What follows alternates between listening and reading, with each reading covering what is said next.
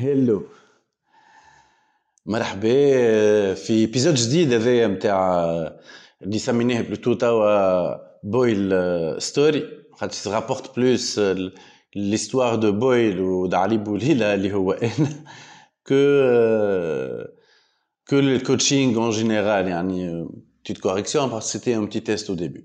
En tout cas, et d'ailleurs, en parlant de ça, effectivement, l'idée c'est de peut-être revoir l'expérience اللي عشتها pour trouver et comprendre حاجات مع بعضنا اللي انا زاد يمكن نعاود زاد جو لي ريمومور ونذكر لي زيكسبيريونس هذوما اللي تعديت بهم باش ينجموا يزيدوا ينفعوني.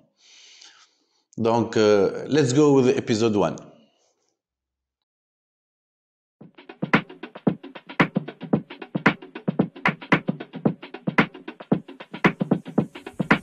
Bon, العباد اللي تبعوا فيا وما يعرفونيش دونك علي بوليلة اوريجينير دو لا فيل دو تستور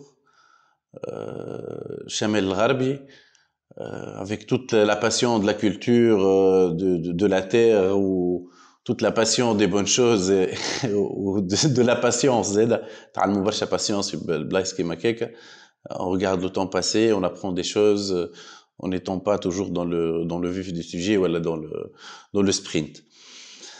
Euh, effectivement, donc, originaire de cette ville, qui est quand même خلت فيها une trace assez importante يعني vu اللي عديت منها فيها une grande période de ma vie euh, d'autre part euh, تولدت في تونس précisément في نهج جبل البرغو plutôt في rue de Lyon في مساحة النجدة j'ai passé mon enfance غادي par la suite et ça c'est ça je crois que l'information هذه fait partie du déclenchement نتاع اللي بديت نحكي عليه يعني لا بارتي entrepreneuriat et et l'amour du, du risque en effet بابا كان يرحمه كان كان était chef de service في في l'office de commerce oui un jour il a vu une opportunité de de, de se lancer dans l'industrie donc il s'est lancé dans l'industrie c'était en 83 si mes souvenirs sont bons euh, où il a créé sa première société lui une conserverie alimentaire euh, de tomates, de, de confiture par la suite et plusieurs produits les ménages Effectivement, donc euh, tout l'esprit familial, on a déménagé euh, le, le pour suivre le rêve d'un père, voilà, pour suivre le rêve d'un père pour toute une famille. Derrière, il réfléchissait pas seulement à ses enfants, mais plus global que ça et de créer une première bon créer une communauté باش يستعملها باش انا يحاول يكبر فيها au niveau familial et ainsi de suite. De toute façon هذوما c'était les, les, les genres d'idées que يعني préceptes on va dire اللي كانوا يصيروا قبل.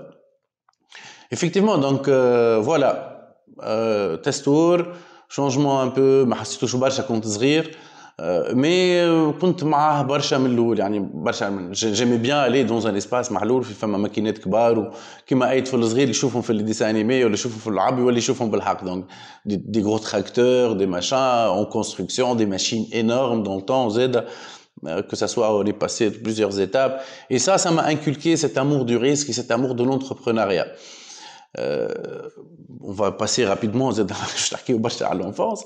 Euh, mais voilà, à l'âge de 12-13 ans, je crois que j'ai commencé vraiment à passer du temps euh, dans cette industrie. Effectivement, dites non, le comptable pour comprendre comment ça se passe, des, les, bases de, la comptabilité. Oh, je crois que mon père aurait aimé, voilà, de toute façon, je ne mais il aurait aimé un peut-être un expert comptable ou un directeur de, de, de banque ou la haja de ce genre.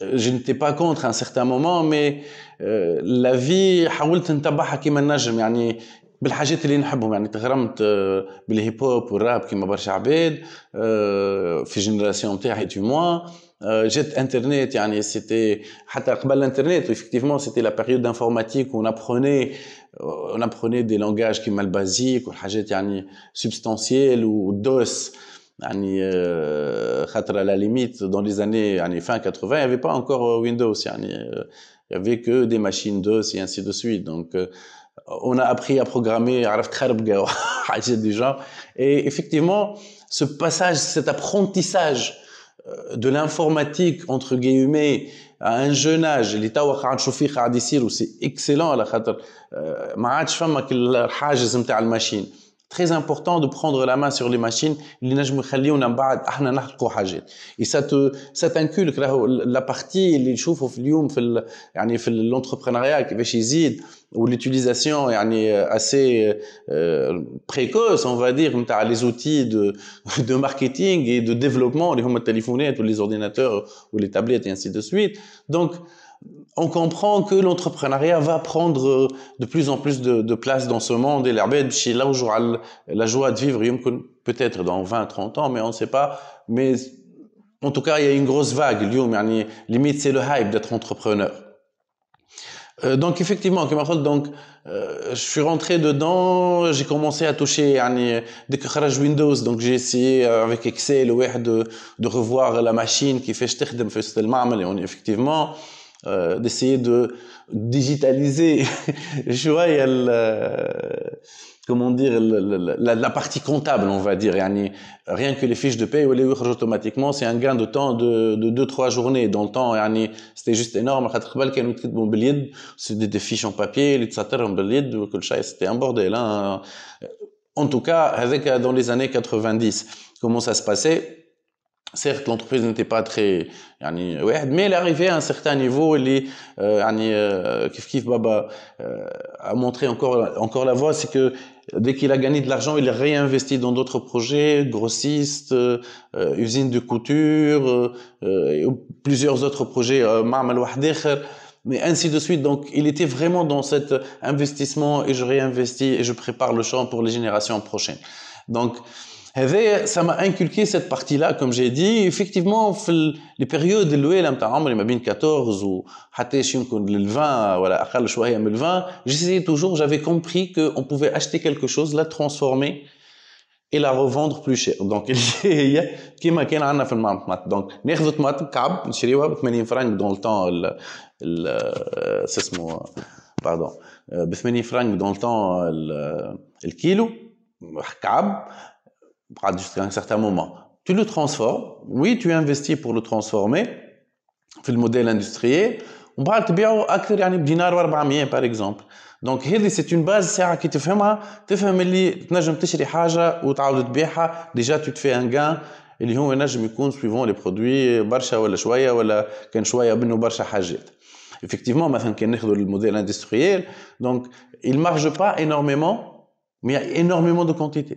يعني انت كي تسمع معمل يقول لك قداش عملت يقول لك 5 مليون دو بوات دو بوات دو كونسيرف 5 مليون دو بوات هو من بعد في الفيناليتي نتاعو ربح 100 فرنك على الوحده ولا حتى دوره على الواحد اضرب دوره في في 5 مليون دونك J'avais compris ça. Et je commençais à l'appliquer. En fait, حتى في lycée, يعني je préparais les cours. يعني j'avais mon ordinateur, j'avais de la chance. J'avais un père un peu, euh, ça m'a aisé dans le temps. Donc, je retapais les cours et résumés. ونعاود نبيع. Donc, je prenais euh, des cours, bon. On بعد نحطهم في des relais ونبيعهم à 5 dinars, 6 dinars اللي هو. Je n'ai pas vendu des masses, j'ai juste appliqué حاجات. بعد par la suite, euh, j'ai internet donc euh, effectivement j'ai internet وشوفنا اش قاعد يصير في العالم, on a compris qu'avec cet outil on pouvait se faire de l'argent encore une fois. Donc acheter, vendre. Donc, je téléchargeais de la musique et je la vendais en CD. Donc, à chaque fois, ce modèle-là, il se répétait. Donc, تعديت les étapes هذوما par la suite قريت effectivement في الكامبوس في السيك faculté sciences économiques et de gestion de Tunis pendant deux ans ما نجمش نقول ننجح لا ما نجحتش parce que c'était juste une expérience énormissime en 98 يعني عام اللي خديت الباك نتاعي c'était يعني une mini société dans la société où tu avais tous les كل شيء موجود نتاع ميني سوسيتي مي سيتي سوسيتي يعني سوسيتي مش نحكي سوسيتي شركه مي نحكي سوسيتي مجتمع دونك سيتي ان ابرونتيساج انورم دو فيفر دون ان اندروا فين فما 3000 ولا 4000 اتيديون برشا نون با يو سيت شانس زاد دونك تعلمت منه برشا مي في الاخر جافي كومبري كو سكي مانتيريس لو بلوس سكو جيمي فريمون سيتي انترنت C'était C'était ce monde-là, l'accessibilité à l'information, comment on peut vendre des trucs là-dessus, comment on peut optimiser euh, un site web. Je, je, je suis rentré dans le vif du sujet, dans le temps, Z, sur la partie référencement au Colchai. Et j'avais décidé de, de trouver une école, euh, ce qu'on appelait le web marketing.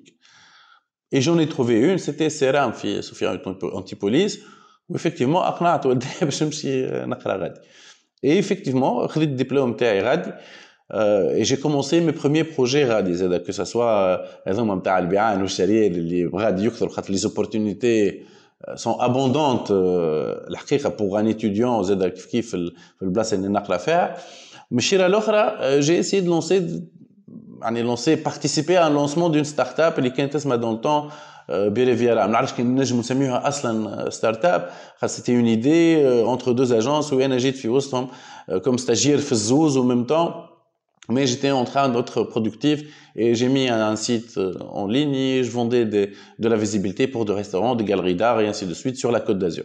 C'était une super belle expérience. Effectivement, juste après, toi, Faloué, le il a fallu que je rentre. Il fallait euh, qu'on puisse gérer euh, le bien et la laisser. Malheureusement, l'État, il à certains moments, à travers Barcha Arlat, bien sûr, l'entrepreneuriat, ou كان المعمل في في وضعيه خايبه برشا et j'avais essayé avec mon frère de sauver les meubles malheureusement kif kif vu qu'on n'était pas dedans je crois à mon avis après réflexion on n'a pas su gérer les choses et euh, quelques circonstances صاروا وقتها en 2006 si je me rappelle bien اللي هما يعني il n'y avait pas de tomates واحنا n'avait pas d'argent وصاروا quelques blocages وفهمنا كيفاش كان الوالد يكور باللي بارتي كلهم tandis que nous on n'avait pas cette expérience et on pouvait pas vraiment gérer comme lui il a géré et on s'est retrouvé avec euh, des problématiques euh, entre autres des chèques impayés حاجات du genre et effectivement là j'en avais marre et euh, c'est pas que j'ai lâché l'affaire, j'étais obligé de lâcher l'affaire. Il y a plus, il y a plus, plus rien vraiment à faire. La société était en très grosse difficulté où j'ai pas lâché l'affaire. Donc on a essayé de, de régler le maximum de, de dettes, mais le reste, voilà, part de quelques hajettes.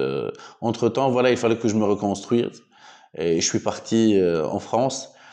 باش نرجع انا عرفت نلوج la comfort zone اللي نجم نتصرف فيها سيتي سا ليدي شيرشي ان كونفورت زون اللي نجم نكور فيها على راحتي من غير بريسيون من غير حتى شيء دونك مشيت عاود رجعت جو با ريستي لونتون ان فيت ريستي 4 5 موا اي ابخي جات اون اوبورتونيتي في ليبيا dans le temps, c'était une opportunité, mais l'hiver, je suis parti pour être directeur d'un truc. Je me suis retrouvé à faire des euh, des des, des cartes visites,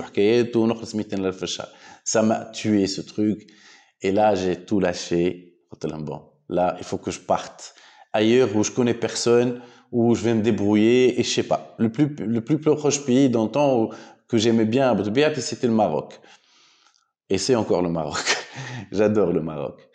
Euh, donc, euh, effectivement, le j'ai passé à peu près 7 à 9 mois entre des parties de poker, entre travailler euh, les appels téléphoniques, entre l'idée, c'était d'oublier cette expérience libye qui m'a qui m'a coûté en, en, effort et en plusieurs choses. Donc, tout un cursus quand même. à chaque fois que j'essaie de le raconter, que c'est un peu lent, mais ça raconte vraiment ce que. Je fais les détails. Hein. Je n'entre pas les détails, euh, mais en tout cas, c'est ça ce qui s'est passé et entre temps kif kif à chaque fois j'essaie de lancer des projets par-ci par-là. Il n'y a pas tout qui a réussi, il n'y a pas tout qui a complètement échoué, mais certains projets n'ont pas tenu, que ce soit Arbal que ce soit Mouchfi que ce soit à chaque fois il y avait des raisons claires pour, pour que ça marche pas.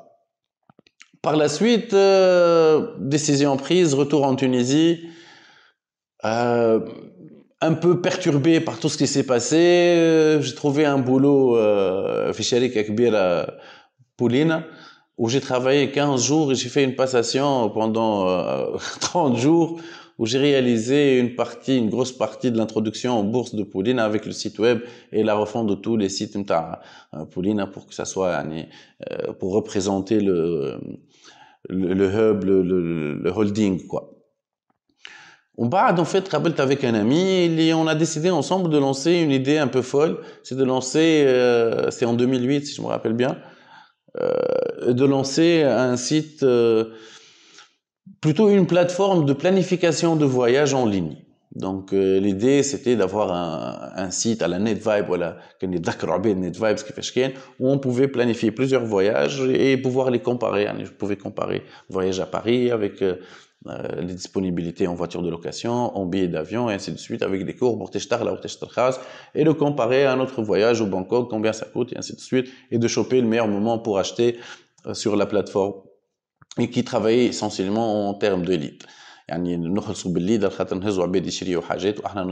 Donc on était du middleman, mais avec une plateforme plus intuitive. Et c'est là où j'ai rencontré mon associé, euh, mon, présent associé, Qais Zien où il était, euh, comment dire, il était mon fournisseur pour développer cette, cette plateforme qui était très dure dans le temps à faire aussi. C'était très euh, compliqué. برشا ومش والمشكله اللي ما كانتش في وقتها مي هذا مش مشكل donc encore une fois un projet fait plusieurs parties euh, le travail l'engouement يعني هز اللي خدمنا سوايع وسوايع وسوايع وسوايع mais au final on n'a pas réussi à rentabiliser complètement le projet et on a dû effectivement l'abandonner. Entre-temps, euh, je suis reparti euh, euh, avec Raïs en, en, termes de consultant sur quelques projets qu'il avait. وبعد كلمة أنا يعني عاونته plutôt عاونته خدمت معاه pour euh, relancer le site restotunisie.com dans le temps qui était une plateforme de réservation en ligne des restaurants. Il l'a lancé lui en 2007, moi je l'ai rejoint en fin 2008, début 2009 si je ne me trompe pas. Euh, Bad, euh, on a fait ce qu'il y avait à faire. Euh, j'ai fait ma mission pour moi. Euh, certes, peut-être pour lui, j'aurais pu rester, mais bon. Anyway, moi, je cherchais une autre expérience dans le temps et je suis parti dans une agence euh, euh de communication et marketing ou marketing qui s'appelait s'appelle Access to e-business, Access à où j'ai travaillé, je crois, 8 ou 9 mois. Et effectivement, euh, avec les trois dernières expériences, voilà, le bien euh, Poulina ou, ou avec mon associé, mais en qualité de salarié et par la suite dans cette agence, فهمت اللي انا ما ما نجمش يعني ما نجمش je ne peux pas être géré donc je peux que gérer et donc effectivement euh, j'avais proposé par la suite à Kais mon présent associé de lancer euh, une agence d'une autre ère où l'internet, ce qu'on aime en fait, va être bio, euh, va être écologique et ainsi de suite. Et on a commencé à construire cette idée ensemble. Et effectivement, ça a pris. Ça s'appelait Canacid, ce qui s'appelle aujourd'hui KNSD, l'agence. Euh, donc, euh, et ça a pris, on a eu des, des clients Ouridou derrière Samsung, derrière Nescafé, derrière que des grands noms, mais aussi des, des pas des petits, mais des, euh, des challengers aussi. On a travaillé avec beaucoup de challengers et on travaille encore avec des challengers et des startups aussi euh, pour améliorer leur performance, pour euh, les éduquer côté brand, pour les pour le suivi, et ainsi de suite. Tout un boulot euh, Et, et l'idée, elle est venue avec ça et derrière d'avoir comme l'afkar et d'autres amis, d'autres collaborateurs et de continuer dans cette idée. Et voilà, nous sommes euh, en 2020, euh, on a une plateforme كبيره نتاعنا اسمها كان اس دي اكس اللي هي on va dire notre pôle recherche et développement et de l'expérimentation à travers à travers laquelle on crée des produits euh, كيما KPIs اللي هو c'est un outil de de veille sur les réseaux sociaux euh, d'autres produits مازالوا قاعدين يتخدموا فما حاجات قاعده تحضر فما حاجات باش تخرج donc on est en train de, de bosser là-dessus on a une partie qui qui est KNSD l'agence qui est spécialisée dans euh, la communication en ligne et digitale en plus global. Donc euh, voilà, j'ai essayé de retracer, euh, je crois, il y a cette euh, et me présenter surtout l'abed اللي ما يعرفونيش je suis فيا le coach story. voilà, بعد on va parler de plusieurs choses, plusieurs projets sur lesquels j'ai travaillé اللي صاروا فيهم حاجات علموني حاجات اللي خلوني نبدل مثلا الفيزيون نتاعي في الخدمه ولا الابروش نتاعي في اكس ولا اي في التعامل مع الكليون كو جيم بلو ابلي كليون خاطر سي فريمون با دي كليون اليوم سي بلوس دي كولابوراتور et des partenaires on part sur des, des bases de, de, de, de clientèle et un contact اليوم اللي بعدك tandis que لازم تخدموا مع بعضكم pour améliorer le rendu global des campagnes et du brand. Donc euh, voilà une petite introduction pour notre premier épisode de euh, Boil Story.